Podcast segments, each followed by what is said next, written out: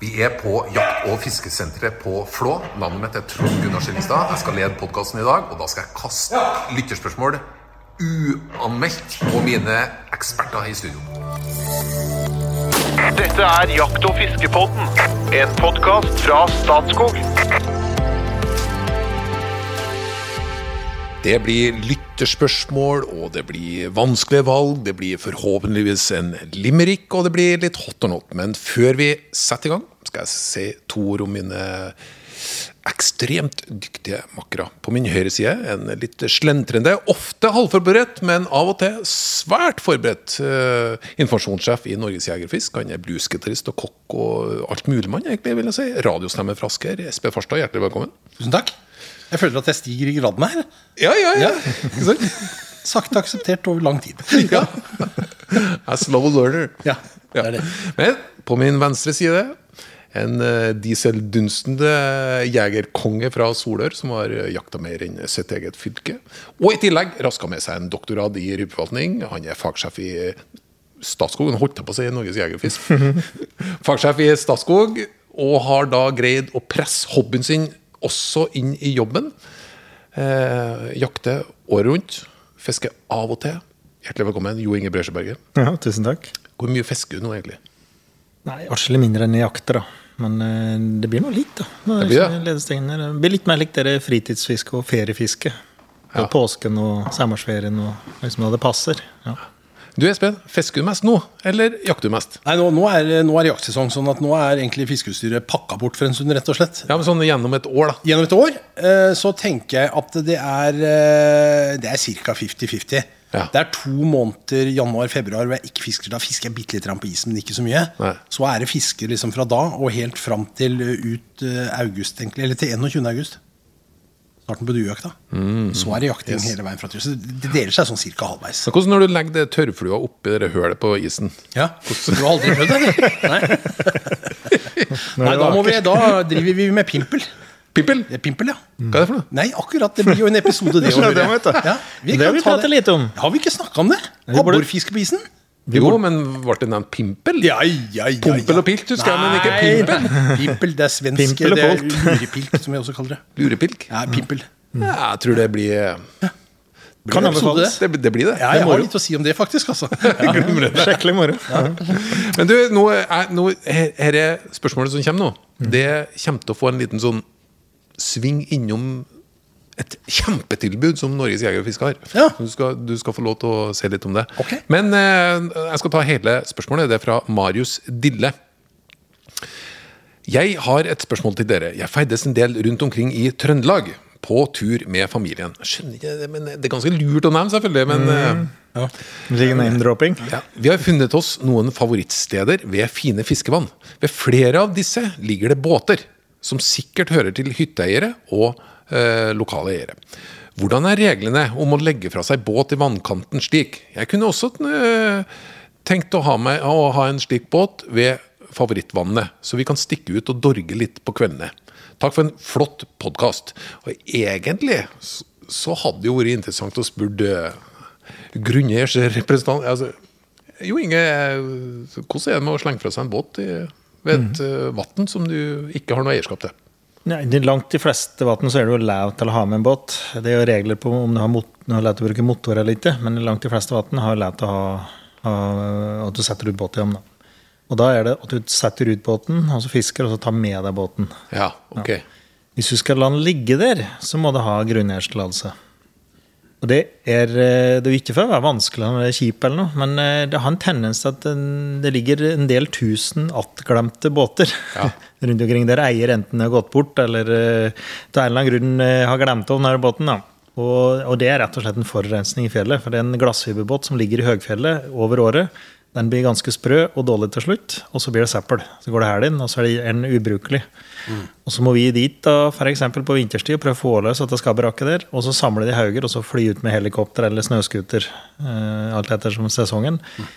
Tidkrevende og litt unødvendig. Jeg jeg må skyte inn der, for at det faktisk er en av våre gode venner, Norges fjellstyresamband, som jo organiserer fjellstyrene i Norge, De har jo hivd seg frampå og, og vært initiativtakere til å, en sånn kartleggingskampanje om vet du om båter i fjellet, som melder fra til oss, og så skal de sørge for at de, de blir fjerna. For det er som du sier, søppel når det blir liggende for lenge. Og det, alle har vært ved fiskevann hvor det ligger båter som egentlig kunne vært fjerna. Ja. Eh, Og det har jo vært sånne aksjoner. Jeg synes jeg husker, Vi har jo en fjelltjeneste i Statskog som, Mm. som, har, eh, som rydder, rydder ut. eh, Det er årvisse aksjoner ja, for å Ja. få ut det. Det. Og for det har en tendens, Hvis først båten ligger der og skreper ned, så er det fort at det samler seg litt skrep. Altså At det blir en lite søppelfylling. Og Det er eh, aksjoner hvert år da, for å få ut det her. Men det er jo to ting å si om dette, da. Det ene er jo at, eh, at eh, skaff deg en kano og ta med deg den og ta den med tilbake igjen når du drar. Det er jo liksom den enkleste løsningen. ikke sant? Det, og mange gjør jo det. Eh, det er tre ting å si om det. som jeg tenker Ja, om. det andre er at du kan jo spørre grunneier. Ja. Og det kan jo godt tenkes at en grunneier er velvillig innstilt, og kanskje man får til en, en avtale da om at båten kan, kan ligge der. Men den tredje, og kanskje Kan- aller Kan jeg, for, for, kanskje kommer du til det et større temmer nå. Men kan jeg spørre, hvis folk spør Statskog, er det vanskelig å få lov Nei. til å legge ned? Nei, Du får det. det er bare at det må registreres, så du vet hvem det er som har sin båt. Den graden den blir liggende der. da. Ja, riktig. Så har Det, det er egentlig bare det det går på. Det er jo, Beklager. det er jo raust. Ja. Men i et samfunn med delingsøkonomi så finnes det en landsdekkende interesseorganisasjon som selvfølgelig også har tenkt på dette. Ja, men Det syns jeg er en fenomenal ordning. Ja. Her er det spennende. Ja, det er det. Det er altså Jeger og Beger, som vi sier, eller Norges Jeger- og Fiskerforbund, som, som har etablert en ordning som vi kaller Mine båter. Ja. Fantastisk ordning. Ja, eller kunne vært våre båter, da, kan det sies. Er du medlem i Jeger og Fisk, noe man selvfølgelig bør være, så eh, får man altså automatisk gratis tilgang til nå over 150, jeg tror opp i 160 båter, over hele landet. Eh, Dette ligger eh, fint eh, presentert på en side som heter minebater.no, hvor du kan gå inn og se hvor alle båtene ligger. Der ligger det en beskrivelse av hvordan du kommer dit, hva slags fiske du kan regne med å finne i vannet, og alt mulig sånt. Så kan du booke deg tid og si at den helga der kunne jeg tenke meg, eller den dagen der kunne jeg tenke meg å leie den båten. Klikker du av, og så er det du som har den. Du får en kode på min side på njff.no, som er hjemmesiden. Så kan du gå, og der, det er en kodelås på båten, og så bare åpner du opp. Og så har du altså en 14-fots aluminiumsbåt med årer tilgjengelig til å ro rundt på vannet og hygge deg med i altså over 160 vann rundt omkring i landet. Og de vannene er valgt ut med omhu av våre lokalforeninger, så det er gode fiskevann og, og fine turområder.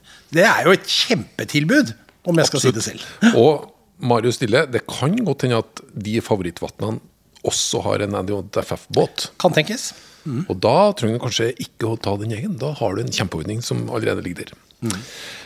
Supert. Det var egentlig en ball på straffemerket, men det var vel fortjent. Det var en uh, Dette er en kjempeordning. Det har vi nevnt litt før òg. Og det, og det bare anbefaler å bruke altså Båter blir generelt brukt feil lite. Så hvis du kjenner noen som har en båt, så lån en båt da først, før du kjøper din egen. Altså, eh, er, de aller fleste båter blir brukt altfor lite. Og så har vi noen områder der du skal desinfisere båten for å unngå å spre gyro. Det skal du også huske på. Altså, Ja, hvis du frakter med deg. Ja. Mm. Så bare ta det som en siste replikk. Ja. Nei, Marius Stille, eh, send oss eh, en melding om eh, at du har fått spørsmålet ditt opplest på podkasten. Så ender du opp med ei vakker T-skjorte med en tiur. Ikke av samme farge som jeg har på meg i dag, men med tiur, da. Ja, det skal du være glad for, spør du meg. Men eh, Du, jeg har så lyst til å kommentere noe mer, men jeg skal ikke gjøre det. Nei, Vi skal gjør gå videre. Det er en rosa, vakker T-skjorte jeg har sett med i dag, da. Over til en Henrik Alexander Fjelstad. Hei, som fersk jeger er jeg på utkikk etter en god allround-rifle. Som fungerer godt til både rådyr og elg, men også toppjakt når mulighetene byr seg. Etter uendelig leting i diverse forum ser jeg mest snakk om kaliber 308 og 6,5-55. Hva er deres tanker om dette? Har du lyst til å smette inn noe på forhånd? mitt valg er 308, men uh, dette syns jeg Jo Inge skal si noe fornuftig om. For du har 308. Selvfølgelig. Ja, og du forholder deg til det du har, du. Ja da, og jeg, jeg er enig med Jo Inge at det, er, det blir kanskje litt uh, spurv med kanoner når du skal på toppjakt, uh, men ellers så er det et veldig anvendelig allround kaliber. Det er det ikke noe tvil om. Men det kan kanskje dra seg mot 6,5-55, som er litt lettere, eller? Vær så god, Jo Inge. Kom igjen, da. Ok, da. Eh, Men han har ikke vært det ennå. Det står mellom de to, er det det han sier? At de fleste anbefaler det. Så det står Ja, liksom det, de. det Jeg tror han skal gå litt i seg sjøl og så finne ut hvor han har mest lyst til å jakte. Hvis han blir en mer eller mindre reindyrka elgjeger, da ville jeg ha gått for trenlåte. Ja. Eh, Vi får jo etter hvert mest sannsynlig et blyforbud. Eh, og det kommer òg i, i reflekaliberet da, etter hvert. Og da er 6,5 er liksom helt i grenseland for en del ja, Noen vil mene da, på stor elg at den er helt i grenseland i dag, med blykuler og med, eh, med kobberkuler f.eks., som vil være lange kuler for å klare å stabilisere de, og ikke helt ideelt nødvendigvis. Behøver du ikke bli det. Du har sånn elgjegerbørse, altså? Espen? Hjortejeger. Ok, ok. Men, men hvis han ikke skal bli en eh, på en måte, mer reindyrka elgjeger og så Han tenkte jo på teppejakt, da, på eh, både skogsfugl eller altså tiur og ærane f.eks. Ja. Så jeg er enig med Espen at det er litt overkill å skutte nærane med en 308. Men det går helt fint, og det er fullt mulig å få bra presisjon i 308. Veldig mange 308 som ikke har bra presisjon, men eh, potensialet ligger der. Det blir jo brukt som skarpskytterrefler rundt omkring. Så, så det, det er kanskje det mest allround-kaliberet er 308. Men eh, hvis en skal ha ei småviltrefle som en òg kan jakte storvilt med, da hadde jeg tatt 6,5. Dette er fryktelig mange gode 6,5-refler der ute, og du kan lett få god presisjon med dem. Og det er litt billigere patroner enn det er med 308. I langt de fleste tilfeller så er det billigere patroner. Du kan trene mer, og det er mindre rekyl. Det er ganske viktig. De fleste, jeg tror nesten samtlige jegere skuter bærer med mindre rekyl. Og Det er da en fordel når du skal jakte små mål, som en ærane i tap f.eks. Det er en bitte liten blink. Da vil de fleste skutte bedre med mindre rekyl. Jeg har kjempeutvalg i patroner, og du har da som sagt skytterlagspatroner, så du kan trene mer. Så jeg ville, vil anbefale Holdt en liten knapp på den, da. Men motsatt, hvis en da skal satse mest på storviltjakt, så ville jeg ha holdt en knapp på 308. Og for øvrig, mange av lytterne våre har eh, sagt at vi må gå noen runder på det blyhagldiskusjon og blyhaglforbudet. Så det skal vi. På et tidspunkt så skal vi ta ordentlig tak i det. Men da skal vi forberede oss godt, for det her er det mange nyanser og mange meninger og mye regelendringer. Så det Ikke sant, Espen? Det er det. Og, men det vi kan si allerede nå, da, er at, at det går mot i praksis et eh, forbud mot bruk av blyhagl eh, rett på nyåret. Det betyr at denne høsten kan du like så godt skyte opp blylageret ditt med en gang, for til neste år så blir det sannsynligvis forbudt. Ja. Men kun hagl? En, eh, Det er hagl vi snakker om så langt. Hagl først, og så kommer refle etterpå. Kom, ja. og så det en- fiskeutstyr, faktisk. Ja, og fiskeutstyr. Og det er en forordning, da, så det er noe vi må forholde oss til, så er vi er med i EØS. Ja. Men uh... ja, dere, dere skal vi tungt Bare, ja. Ja. Men, det, men det er noen omkamper, da, så det kan være at det drar ut litt mer i tid. Det kan skje, og det kan være at det Ja, blir noen ikke på blyhagl, for den er fastsatt. Ja. Ja. Eh, Jeg var klar for et litt sånn eh, det var, Dere var for deg ikke et veldig vanskelig valg. Men jeg registrerer at eh, Espen har uh, elgjegerrifle. Han som ikke er så ivrig elgjeger, men han er en hjortejeger, så det passer ganske godt. Ja, et lite tips til. Ja. For det, 308 det er en kort patron.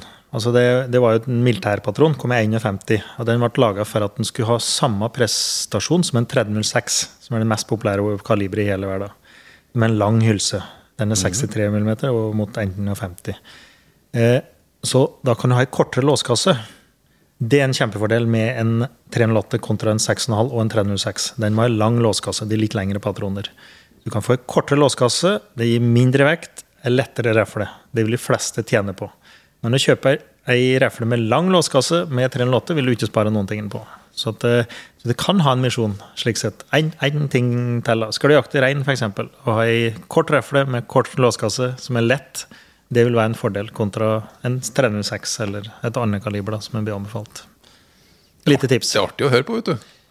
Ja, det er jo, kan jo grave seg tvers igjennom, tror jeg. Altså, det, det er endeløst. Eh, kort eller tung hagle? Hva er best? Eh, jeg har begge Eller tung. Nei, unnskyld! eh, tung eller lett? Takk. Jeg har eh, litt etter bruken, men eh, jeg ville hatt ei medium tung hagle. ville jeg hatt. Ja. Blir bedre sving på en medium tung hagle, og skal du skutte litt lerdyr, er det en kjempefordel. Eh, Ei lett hagle blir fort litt, litt vinglete, og ofte litt korte løp på dem. Jeg liker ikke det. Men kjekk å gå med, da, hvis du Ja, skal langt. men det er eh, å gå okay. med, så jeg har begge deler. Ja. Eh, ta, hagla di? Jeg har en eh, sånn trapphagle som er tung. Den er tung. Det er en tung hagle. Som sideligger? Nei, det er en over og under. Eh, og den, eh, den, ja, den er tung. Eh, og det hender at jeg løfter på hagla til kameraten min når vi er på jakt. Jeg kjenner at han har en sånn eh, lettvektsberetta, og jeg tenker at uff, Herregud, det er ikke noe rart at jeg er sliten, tenker jeg da. Men, men, eh, men dette er bare en vanesak, altså. Og det, jeg, jeg liker jo den hagla jeg har. Så ja, det er som alt mulig annet. Det er sånn det er. Og så eh, lurer jeg på hvilket våpen du bruker på bjørnejakt og ulvejakt, men eh, det er faktisk det vanskelige valget. Ønsk, hvis du skal være med på en av de jaktene, hvilken jakt er du med på, Espen? Det er vel bjørn, ja. Bjørnejakt? Ja, For den kan jeg jo ete. Vær så god. Bjørnejakt eller ulvejakt? Mm. Finnskogkonge Ja, jeg har nå prøvd begge der, men hvis jeg må velge ja, Kanskje bjørnejakt. ja. Bjørnejakt med hund, det er litt det kunne jeg tenke Hvorfor det? Ja, for det, det, er litt, det er litt spennende. Ja, ja. Også som Espen sier, du kan jo tross alt ete den, og så trenger du ikke en hel heimevernsøvelse for å få det til. Nei, for det, Vi hadde jo en episode om ulvejakt, og det er jo en viss, uh, en viss greie som skal i gang for å, ja, for å det, drive det på en det kan fort måte. være noen hundre påmeldte, Ja. mens en bjørnejakt kan du i prinsippet gjøre med, med en, en hund alene. da. Har du jakta bjørn i Norge? Eh, Nei, Nei, Sverige. Jeg har prøvd det i utlandet, ikke i Sverige, nei. Men i Det leder jo fint inn på en limerick. dette Ja, her, ja, vet det var- skulle du tro det var bestilt, du, ja, sikkert. nei, ja, det er faktisk det. fordi at Siden vi nå begynte med å skryte av denne landsdekkende interesseorganisasjonen som hadde båter overalt, eh, så tenker jeg, og nå begynner vi å snakke om at man, du som har, jakta altså Han har jo jakta alt. Ja. Men det gjelder jo ikke alle. De færreste har jo det. De fleste er jo litt, litt stuck i én jaktform, liksom. Det, og det der, der blir man. ja. Men da skjønner du. En godt tradisjonell elgjeger ifra Fron ville ut av sin jegerisolasjon. Jakterfaringen skulle øke. Han fikk hjelp til å søke fra en landsdekkende interesseorganisasjon.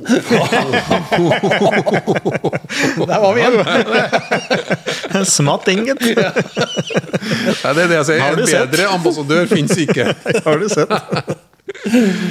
Eh, Henrik Alexander Fjelstad, da eh, fikk du i hvert fall litt guiding fra han, eh, Jo Inge her nå på valg av eh, rifle. og Vi går videre til Kristoffer Hagen. Han takker også for en fantastisk podkast.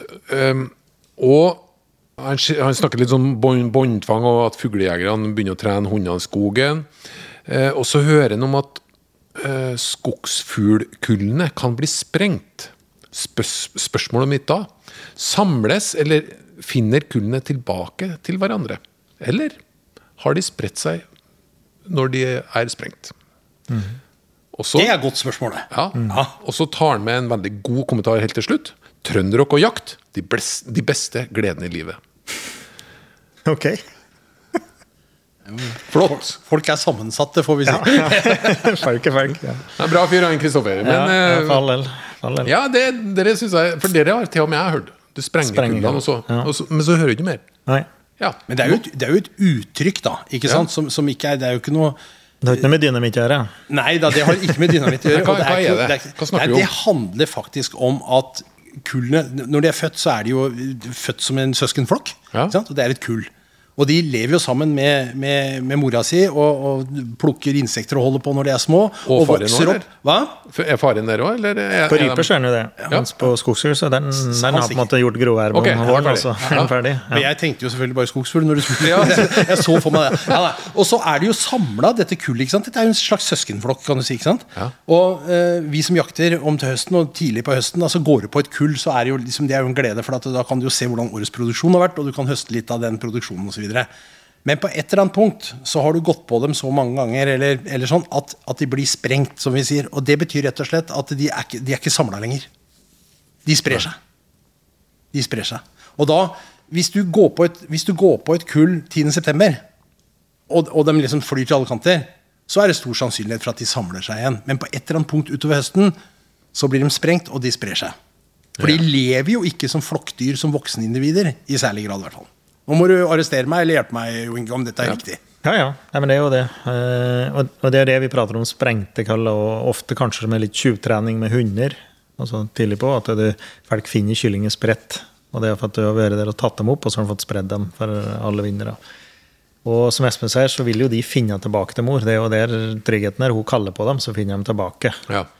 Men du kommer til et punkt der du både høster på dem, altså vi forstyrrer dem flere ganger og høster på dem, og òg har kulloppsplitting. Det er jo en annen sak. da. Når du kommer i slutten på september og, og begynnelsen på oktober, så vil du òg begynne å splitte opp de kulla. Da vil de søke ut, Og da på hønsefugl så er det da høna som søker ut, altså hønekylling. De vil reise det er en eh, anti-innavlseffekt. Da. da vil de reise lenger ut enn haner. Haner vil slå seg ned i nærheten av der de er født, der faren bor, mens høna vil søke ut. da.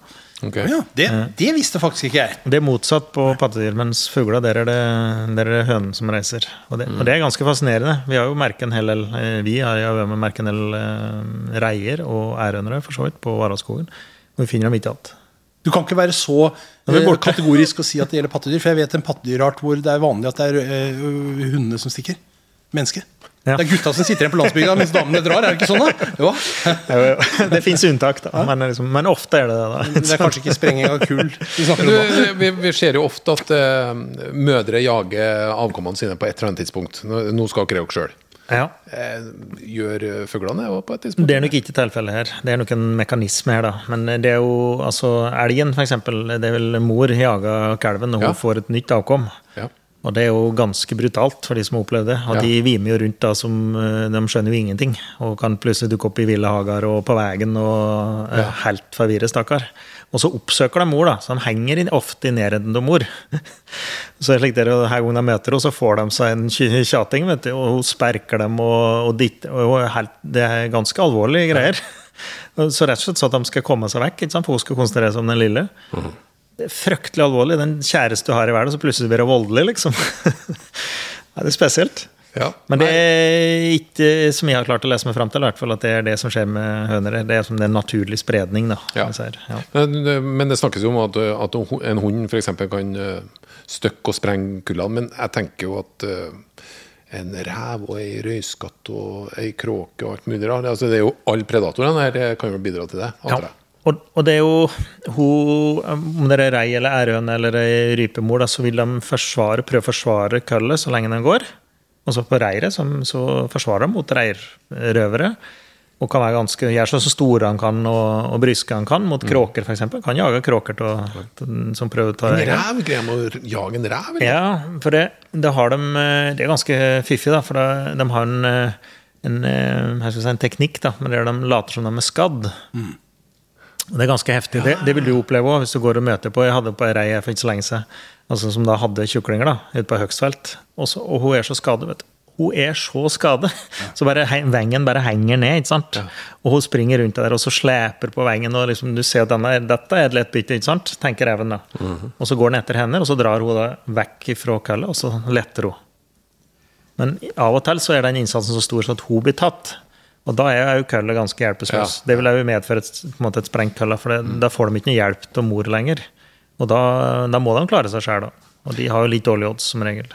Ja, så de har litt dårlige odds hvis det, hvis det skjer Ja, for da har de, aggressivt, de har ikke den samlende kraften som beskytter dem lenger. ikke sant? Ja. Den er borte. Og så må de, eh, er de heller ikke eh, over på, på en måte voksenføderne, og de eter det de kommer over. Og så vil de ikke ha den samme hva skal jeg si, eh, Læringa. læringa da, mot predasjon. eller Mm. Er det predator. neste vår? Er de, er de eh, mer sånn voksen, Da er de, voksen da? da er de regnet som voksne, ja. Ja, ja. så med ett år da er greit? ja. Eller, ja. Ja, for da vil de òg tilbake. Da vil de eh, dukke opp da. Da vil Hannum dukke opp i reviret til far da, i nærheten der og prøve å skaffe seg damer, da. Og, Ja. og få sine egne barn. Ja, ja, ja. Nei, veldig bra. Uh, vi skal ta en liten eh, hot or not før vi lander helt. Men eh, da eh, Kristoffer Hagen, Trønderrock og jakt. Og sprengte kull. Nå fikk du, fikk du svar. Eh, Send en liten melding, så ender du opp med T-skjorte. Messenger er veldig eh, hensiktsmessig å bruke. Før vi går eh, helt ut, eh, er du klar for en liten hot or not? Ja, jeg vil. Ja. Ja, tenkte da litt sånn forsiktig. Ja, ja, ja. Ja. Jeg prøver å Ok. Jo Inge, du skal svare først. Ja. Fallskjermhopping. Hot or not? Eh, not. Not. Har du ikke gjort det? Nei, Strikkhopping. Hot or not? det er not. Ja, not. Våpenpuss. Hot or not? Ja, det er hot. Ja, hot, ja. Ullundertøy. Hot or not? Ja, det er hot. Ja, det ligger jo i navnet. Hot. Det er derfor du har det. Ok, eh, litt spesiell en, eh, men vi tar eh, noen hotte til slutt. Flerkoneri. Hot or not? Not. Det er fristende, men not. Ok, nei, men vi kjører rett på. Fra Terje Tyslands album 'Lidderlig glad', låta Kunne ha vært lensmann! Et rungende hot i studio! Takk for det, og velkommen tilbake til nye eventyr med Jakt- og fiskebåten.